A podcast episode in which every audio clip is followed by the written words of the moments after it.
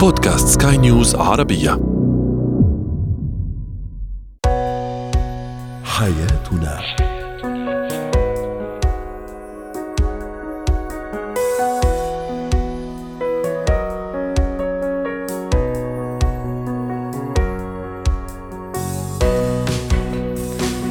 مستمعينا الكرام أهلا بكم معنا إلى حياتنا فضاؤكم اليومي الذي يعنى بشؤون الأسرة وباقي الشؤون الحياتية الأخرى والذي يمكنكم الاستماع إليه. عبر منصة سكاي نيوز عربية dot com slash podcast وباقي منصات سكاي نيوز العربية الأخرى. شاركونا عبر رقم الواتساب 00971 56 ثمانية ستة اثنان اثنان ثلاثة. معي أنا آمال شاب. اليوم نتحدث عن الشريك ضعيف الشخصية أمام أهله أمام عائلته. كيف نتصرف ونتعامل مع معه؟ مخاطر الالتهابات الفطرية عند الرضيع وطرق العلاج الآمنة. وأخيرا إتيكيت المشاركة في البوفيه المفتوح.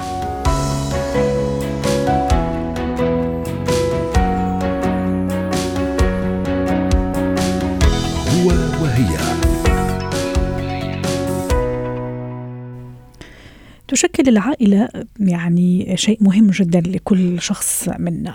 وأيضا الزواج يعتبر بداية جديدة لكل شخص منا من, من, من الأفراد يعني. ويقال أنه الزواج فقط لا يقتصر على شخصين فقط بس لكن أيضا يعني يكون في تعارف وتقارب بين العائلتين في إشارة إلى أهمية العائلة. لكن ماذا إذا كانت هذه العائلة تتدخل في كل صغيرة وكبيرة في حياتنا الزوجية؟ وماذا إذا كان هذا الشريك ضعيف أمام عائلته يأتمر بأمرها ولا يتحرك ولا يحرك آه، ساكنا ولا يحرك له ساكنا إلا بأمر من هذه العائلة. رحبوا معي بدكتورة كريم ألية المستشارة النفسية والأسرية يسعد أوقاتك دكتورة كريم. أهلا وسهلا فيك. أموري بيني وبين زوجي جميلة ورائعة وكل شيء تمام. ونفس الشيء مع زوجتي. نحن نحكي على الجانبين. أنا زوج وعندي أطفال وعندي عائلة وأمورنا كلها تمام. فقط في شغلة واحدة وفي موضوع واحد ينكد علي وعلى حياتي الزوجية وهو زوجتي ضعيفة جدا أمام أهلها أو زوجي ضعيف جدا أمام أهله. دائما يأتمر بأمرهم ويرجع لهم في كل صغيرة وكبيرة. هل للتربية هل للتنشئة دور في هذا الموضوع يعني الحبل السري بين قوسين لم يقطع؟ لهذا الدرجة نحن نحكي مجازا طبعا. آه، الحبل السري في إشارة إلى أنه قوة العلاقة موجودة بشكل حتى مرضي. صحيح الشيء اللي قلتيه كثير مهم. حبل السر لم يقطع وهيدي ممكن كثير تكون موجودة عند ال الأشخاص. التربية بتلعب دور طبيعة الشخصية بتلعب دور وأكيد المعاملة يلعب دور عند هؤلاء الأشخاص. آه نحن بنعرف دائما إنه بالتركيبة النفسية تبع كل شخص في عندنا الأولية. دكتورة كارين لو سمحتي أرجو إبعاد الهاتف لأنه عم يعمل أصوات على الهواء. دكتورة كارين إذا عم تسمعيني. عمول بال بال بالتركيبه النفسيه تبع كل شخص في العلاقة الخاصة مع ال caregiver أو أو مقدم الرعاية تبع الولد يلي قد يكون الوالدة أو قد يكون الوالد بمراحل صغيرة. وبالمبدأ كل ما بيكبر كل ما نوعية العلاقة مفروض تتغير. إذا بقيت هيدي طبيعه العلاقة متعلقة بعدم النمو النفسي عند الولد وبيكبر بعده فيها الروابط القوية يلي ما عم هو يقطعها ولا الأهل يقطعها بدخول عنصر ثالث يلي هو الشريك رح يخلق مشاكل لأنه الشريك بده يوصل بده يحس إنه أنا علاقه مع شخص أنا بعلاقة مع أشخاص. وبس كون بعلاقة مع أشخاص هون بيصير في منافسة بيصير في ضغط نفسي بيصير في مجموعة مشاكل.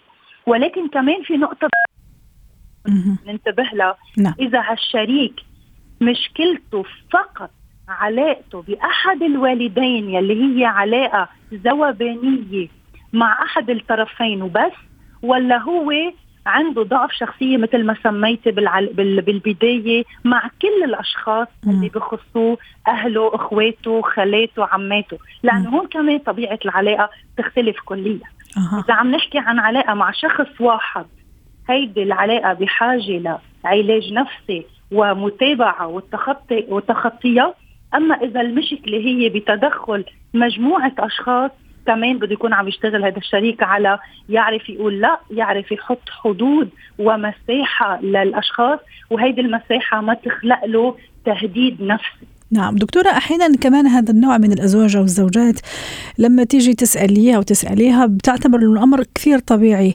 يعني هي بارة بأمها أو بأبوها مشان هيك ما فيها ترفض لها طلب أو ترفض له طلب. هو نفس الشيء بالنسبة للزوج. هو جدا بار بأبويه وما في يكون ابن عاق ويرفض يعني طلباتهم وأوامرهم وآرائهم أيضا. طبعا هو عم يحاول يبرر لنفسه لأنه عمره ما كان آه، البر بالوالدين. بهذا الطريقة أكيد هم على عيننا وراسنا. الأهالي والأهل هذا شيء يعني مفروغ منه. لكن قصدي محاولة التبرير هذا آه، بالنسبة له جدا منطقية. كيف أتعامل أنا معه كزوجة أو كزوج أعاني من هذه المشكلة؟ خلينا نقول في البداية حصرتيها أو أنت يعني حضرتك قسمتيها لجزئين يكون متأثر بشخص واحد أب أو أم ولا في أشخاص أو في أزواج وزوجات متأثرين بعموم العائلة ومحيط العائلة. خليني خليني أبدأ بشغلة. نحن في أشخاص حقيقة بيكونوا عم بيبرروا لأنه هن مدركين لهالعلاقة الذوبانيه اللي عم نحكي عنها. ولكن في بعض الأشخاص هيدا المعاش تبعهم يعني هيدا الاعتياد. يعني بالنسبة لهم منه شيء غريب. وإذا أنا عم أقول لهم آه إنه أنتم كثير بعلاقة قريبة أو علاقة آه غير صحية مع هود الأشخاص ما عندهم القدرة إنهم يشوفوا عدم الصحة أو الضغط يلي عم يشوفه الشريك مع هود الأشخاص. كمان على هيدا المستوى بدنا نكون عم نفهم هيدا الشريك يلي عم بعيش هيدا النوع من العلاقات هو وين؟ بأي موقع؟ هل هو مدرك لطبيعة العلاقة؟ هل هالضغط عم يتعبه ولكن ما بيعرف يقول لا لهيدا الشخص يلي فايت بهالعلاقة الكتير قوية معه نعم. نتيجة طفولته وكل ال ال الأشياء يلي عاشها؟ ولا هو عايش مرتاح ولكن بس شريكه تعبان. هودا كلهم النقاط بده ينعرفوا بده يكون في آه، حوار فيهم بين الشريكين. قبل ما بدنا نعوز مساعدة لهيدا الشريك لحتى يكون عم يطلع أو يتخطى. وبالوقت يعني بال بال بالانتظار الشريك الآخر عم يختصر المواقف يلي بدها تحرجه ينحط بالنص بين آه، هو أو أهل الشريك لأنه حكما شريكه رح يختار الأهل. نعم وأكيد آه، وضع حدود واضحة لأسلوب التعامل بين الزوجين منذ البداية هذا شيء كثير ضروري. تجنب المواجهة أيضا مع أهل الزوج أهل الزوج أو الزوجة اللي هذا الطرف يعني يأتمر بأمرهم كثير ضروريه الحفاظ على مساحة مستقلة اشعاره اشعار زوجي أو زوجتي باهميه الخصوصية في حياتنا الزوجية وأيضا منح الثقة. نعم. منح منح عم تذكريها كلها حلول مؤقتة. اذا إذا ما حلينا المشكل من جذوره. نعم. بده يتفاقم المشكل. نعم. على الرغم من كل المحاولات بأنه أنا أحط حالي على مسافة وجرب بعد حالي وجرب خلي شريكي لأنه إذا شريكي غير مدرك وغير متعاون ليفهم مسؤوليته تجاه العائله الجديدة يلي خلقها مثل ما كمان ذكرت بمقدمتي ما رح يقدر يتعاون ورح نضل بهيدي الحلقة المفرغة من الفرستريشن للشريك الآخر. يلي قد تكون تداعيات واضح. سلبية جدا على العلاقة على المدى الطويل. شكرا لك دكتورة كارين إيليا المستشارة الأسرية ضيفتي العزيزة من بيروت. زينة الحياة. اليوم سنتحدث عن الالتهابات الفطرية عند الرضيع. ما هي الالتهابات الفطرية عند الرضيع؟ وما هي مخاطرها؟ وما هي أهم الأساليب العلاجية الآمنة؟ رحبوا معي بدكتور أحمد عبد العال أستاذ طب الأطفال واستشاري طب الأطفال يسعد أوقاتك دكتور أحمد. أهلا وسهلا فيك معنا اليوم نناقش موضوع مهم يخص الأطفالنا الرضع الصغار جدا. إيش يعني التهابات فطرية؟ ولماذا هي أكثر شيوعا عند الأطفال حديثي الولادة والرضع وخاصة الأطفال الخدج؟ لماذا هم أكثر عرضة لهذه الالتهابات الفطرية؟ سامال هو الفطريات دي يعني زي كائنات دقيقة موجودة في في الفم طبيعي يعني الفطريات موجودة في الفم بنسبة بسيطة لكل الناس وملهاش ما بتعملش أي مشاكل. لأن بيتم السيطرة عليها من خلال التوازن بينها وبين البكتيريا النافعة اللي موجودة في في الفم أو في ال- الجهاز الهضمي أو في أي مكان ال- الفطريات موجودة فيه. لأن في بكتيريا نافعة اسمها لاكتوباسيلس موجودة في الفم. هي اللي بتسيطر على ال- الفطريات دي والتوازن بينهم بيخلي الطفل طبيعي. بيحصل مشكلة لو حصل خلل بقى في التوازن. يعني لأي سبب. بينشط بتنشط ال- الفطريات على حساب ال ال ال البكتيريا النافعة فبالتالي بيحصل الأعراض. طيب إيه ال- اللي بيخلي ال- ال- الخلل ده يحصل؟ ولو قال لو لو حصل ضعف في البكتيريا النافعة. نتيجة آه، مثلا نقص المناعة خصوصا العمر الصغير يعني زي ما تفضلت كده قلتي بيحصل في العمر الصغير وما بيحصلش في العمر الكبير صح. ده حقيقة فعلا. لأنه ال- المناعة تكون آه. ضئيلة مناعة ما تكونش بهذيك بهذيك القوة وأقل نضوجا كمان يعني آه. المناعة أضعف وأقل نضوجا من من مناعة الكبار بالإضافة ان الاطفال كمان عرضة لأشياء تانية بتسبب ضعف مناعتهم. زي استخدام المضادات الحيوية المضادات الحيوية يعني الناس مش عارفاها زي ما بتقتل البكتيريا الضاره بتقتل البكتيريا النافعة. فلما تقتل البكتيريا النافعة وتأثر عليها بيحصل الخلل اللي أنا اتكلمت عنه. فبالتالي ال- ممكن تنشط ال- الفطريات وتسبب ال- الالتهاب الفطري اللي موجود ده سواء في ال... أيوه هي هي موجودة عادة فين؟ وين ممكن نلاقيها الالتهابات هذه الفطرية؟ في أي منطقة من مناطق ال- الجسم؟ موجودة في. يعني أكتر حاجة بنشوفها طبعا هم مكانين يعني اللسان ومنطقة ال- الحفاض آه. إنما ممكن تحصل كمان في الجهاز الهضمي من أول الجهاز الهضمي من أول الفم. من أول الشفايف كمان يعني. بنلاقي الطبقة البيضاء دي موجودة على الشفايف من أول الشفايف لغاية لغاية تحت لغاية فتحة ال- الشرج أحيانا في فروة الرأس كمان دكتور ولا آه ده فطريات ممكن تحصل بقى في فروه الرأس دي لأسباب تانية خالص يعني أسباب موضعيه أو حاجات تانية إنما الجزء بتاع ال- الفطريات اللي هو ده خاص بالجهاز الهضمي ده اللي بتشوف الأطفال بصورة أكتر. يعني حتى الفطريات الالتهاب الفطري ده اللي في فروه الرأس ده بنشوفها في الأطفال وفي الكبار. إنما بصفة عامة اللي, اللي, حضرتك قلت لي قلت عليه في, ال- في الأول ده بيصيب الأطفال فعلا اللي هو من أول ال- اللسان والفم بالكامل. نعم. لغاية آه، آه، فتحه الشرج ومنطقة آه، ومنطقة الحفاض نعم. في حاجات تانية بتقلل المناعة زي الكورتيزونات زي سوء التغذية زي نتيجة بعض الأمراض في الجهاز ال- الهضمي. ممكن كمان يتنقل من ال- الأم لل- للطفل. أنت عارفه ده مرحلة الرضاعة. آه صح. آه فالأم بيكون لو عندها فطريات في في الثدي ممكن يتنقل بسهولة لل- للطفل. الطفل عنده يتنقل للأم. فعشان كده إحنا بنعالج الاثنين في نفس الوقت ونفس العلاج ونفس نوع العلاج بنديه للاثنين وده سؤال مهم بنسأله للأم كمان في العيادة لو جت بطفل عنده فطريات في في الفم. وده مش مقتصر كمان على الرضاعة الطبيعية يعني. حتى ال- الرضاعة الصناعية بال- بالببرونه لو ما اهتمناش بنظافتها كويس وتعقيمها المفروض إنها تتحط في مية مغلية 20 دقيقة مثلا. جميل. انت الآن فتحت لي المجال لأسأل السؤال الاتي إنه كيف الإجراءات الوقائية؟ في امنع الالتهابات الفطرية عند طفلي ببعض الإجراءات التصرفات والسلوكيات الصحية السليمة؟ أكيد أكيد طبعا. طيب. اولا إن إحنا ما نستخدمش المضادات الحيوية الا إلا في وقتها وفي مكانها وممكن في أحيان كتير بنستخدم معاها بروبيوتيك أو ال- البكتيريا النافعه. عشان يحصل التوازن. نهتم بتغذية الطفل عشان يكون مناعته كويسة. الأطفال اللي بترضع رضاعة طبيعية مناعتها أحسن ونسبة حدوث ال- الفطريات فيها أو أي مرض تاني غير الفطريات أي مرض بلا استثناء أحسن من الأطفال اللي بيرضعوا اللي بيرضعوا صناعي أو ما بيرضعوش طبيعي يعني. آه، الأم لو عندها أي نوع من الالتهابات في في الثدي لازم تتعالج على طول. الحيوانات الأليفة دكتور عندها عندها دور؟ أو ممكن تكون مسبب؟ تنقل- آه ممكن ممكن تنقل طبعا. مم. آه في الأسرة بصفة عامة. الرضاعة الصناعية لازم الحليب اللي يفضل ما ما يتخدش في المرة اللي بعدها لازم الببرونة تتحط في ميه مغلية لمدة 20 دقيقة لازم تتحط في الثلاجه بعد كده آه، الجزء بتاع النظافة ده آه، مهم, مهم. جدا.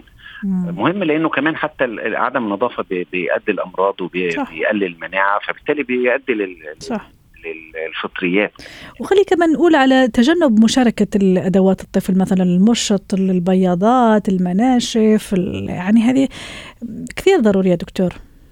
أكيد طبعا. أكيد لا أنا معاكي 100% في الراي ده أمان وكمان حتى في ال في, في يعني أحب أضيف الفكرات اللي بتحصل في في الحفاضات. نعم. ده لازم الأم تنشف المكان كويس باستمرار. يعني سبب لو لو الأم تتأخر في تغيير الحفاض ممكن يحصل الالتهابات دي. ومو شرط إنه معلش سوري يعني مو شرط إنه الحفاض يتسخ حتى أغيره صح؟ خاصة في الليل دكتور أحمد. بالظبط لو أي بلل خفيف فيه آه يتبل أو لو على الطفل لفترة لفترة كده لازم يتبل وبعدين كمان بنصح حتى لو طفل جالب عنده آه فطريات في منطقة الحفاض بقول للأم بس مش تنشف بس تحاول على قدر المستطاع إنها تشيل الحفاض فترات. مم. هو نايم ممكن تحط طبعا الموضوع صعب بس يعني ممكن تحط الحفاض تحت الطفل وهو نايم وهو مفتوح عشان يهوي المكان صح. يعني زمان قبل الحفاضات ما تطلع كان كان هو ده نظام الأمهات يحطوا يعني شيء معين زي الحفاض كده تحت الطفل ويسيبوا المكان آه مفتوح لأن التهوية في المكان ده بتمنع التهاب الفطريات وكل أنواع الالتهابات جميل. وكمان عدم لمس الطفل أو يعني تكون عيني عليها الرضيع إنه عدم لمس الجزء المصاب وخدشه ممكن هذا يؤدي إلى انتشار العدوى في باقي أنحاء الجسم. دكتور أحمد حتى نختم مع حضرتك. تمام تمام. طبعا التعامل مع الطفل لازم يتناسب مع عمره ومع الطفل ده كائن رقيق. وجلده جداً. رقيق والتعامل معاه لازم يكون برقة حتى في في تغيير الحفاض حتى في التنشيف. برقة يعني وبصبر أيضا دكتور أحمد يعني. بالضبط. لازم يكون لازم يكون. وبحب أي أهم شيء. آه بالضبط. لأن الحب هو اللي هيحل كل المشكلة يعني. صح صح. الله يعطيك العافية. وإن شاء الله أيامك كلها جميلة وأيامك كلها حب. يعطيك ألف عافية دكتور أحمد. وأتمنى لك أوقات سعيدة.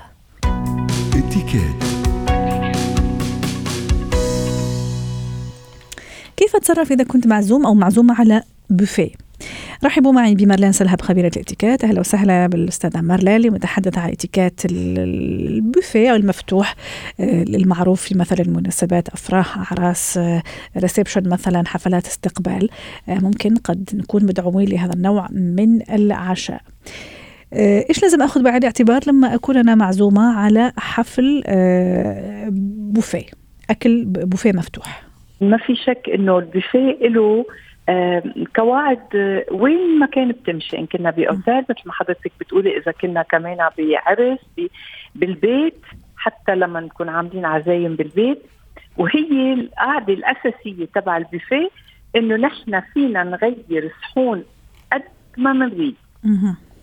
يعني لما بنكون عاملين بوفيه حتى بالبيت إذا عندي مثلا أنا عشر أشخاص أكيد لازم أكون حاطة مينيموم 20 شخص. 20 صحن بدو يعني قصدي بالبوفيه لأنه في عدة أنواع. وكل يعني في تشكيلة كثير كبيرة. ممكن أنا حابة ذوق من كل الموجود وممكن حابة أنا أختار. والمهم إني أنا ما بختار كله بفرد صحن. أنا ما بجي بحط كل الأكل بشكل مش لائق. بالعكس لازم يكون صحني حلو. صحني مرتب. لنقول بلشت بالسلطة بلشت بالمعجنات. بحط شيء بسيط وبقدر قوم وأقعد قد ما بدي.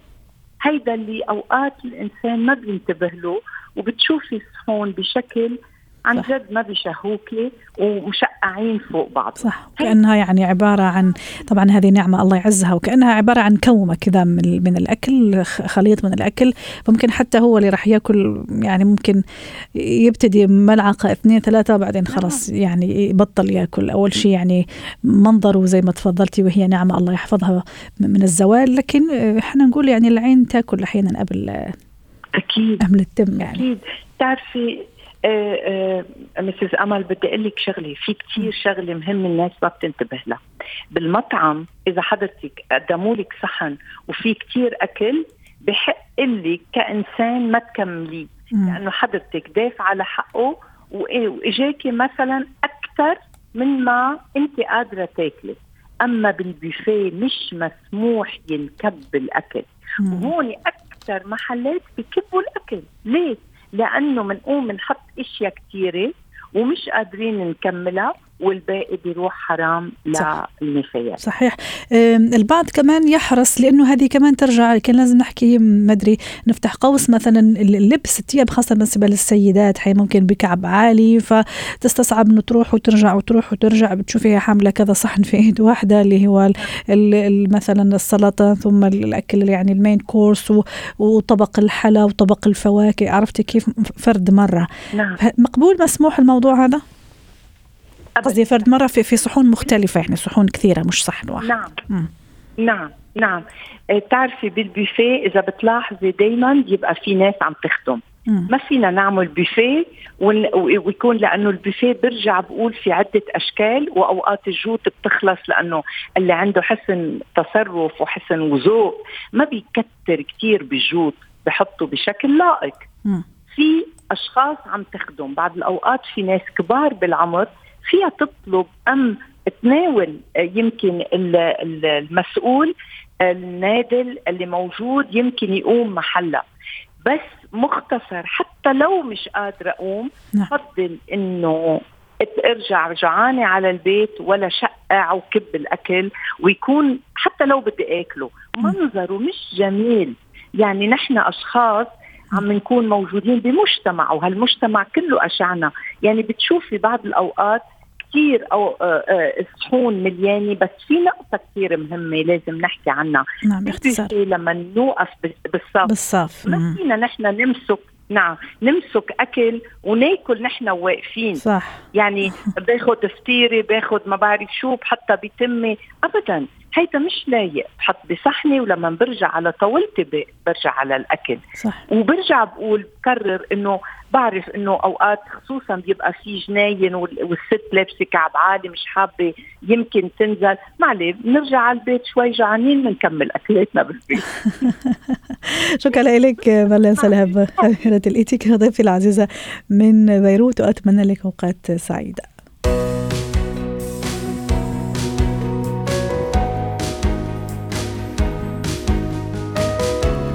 ختام حلقة اليوم من حياتنا. شكرا لكم وإلى اللقاء.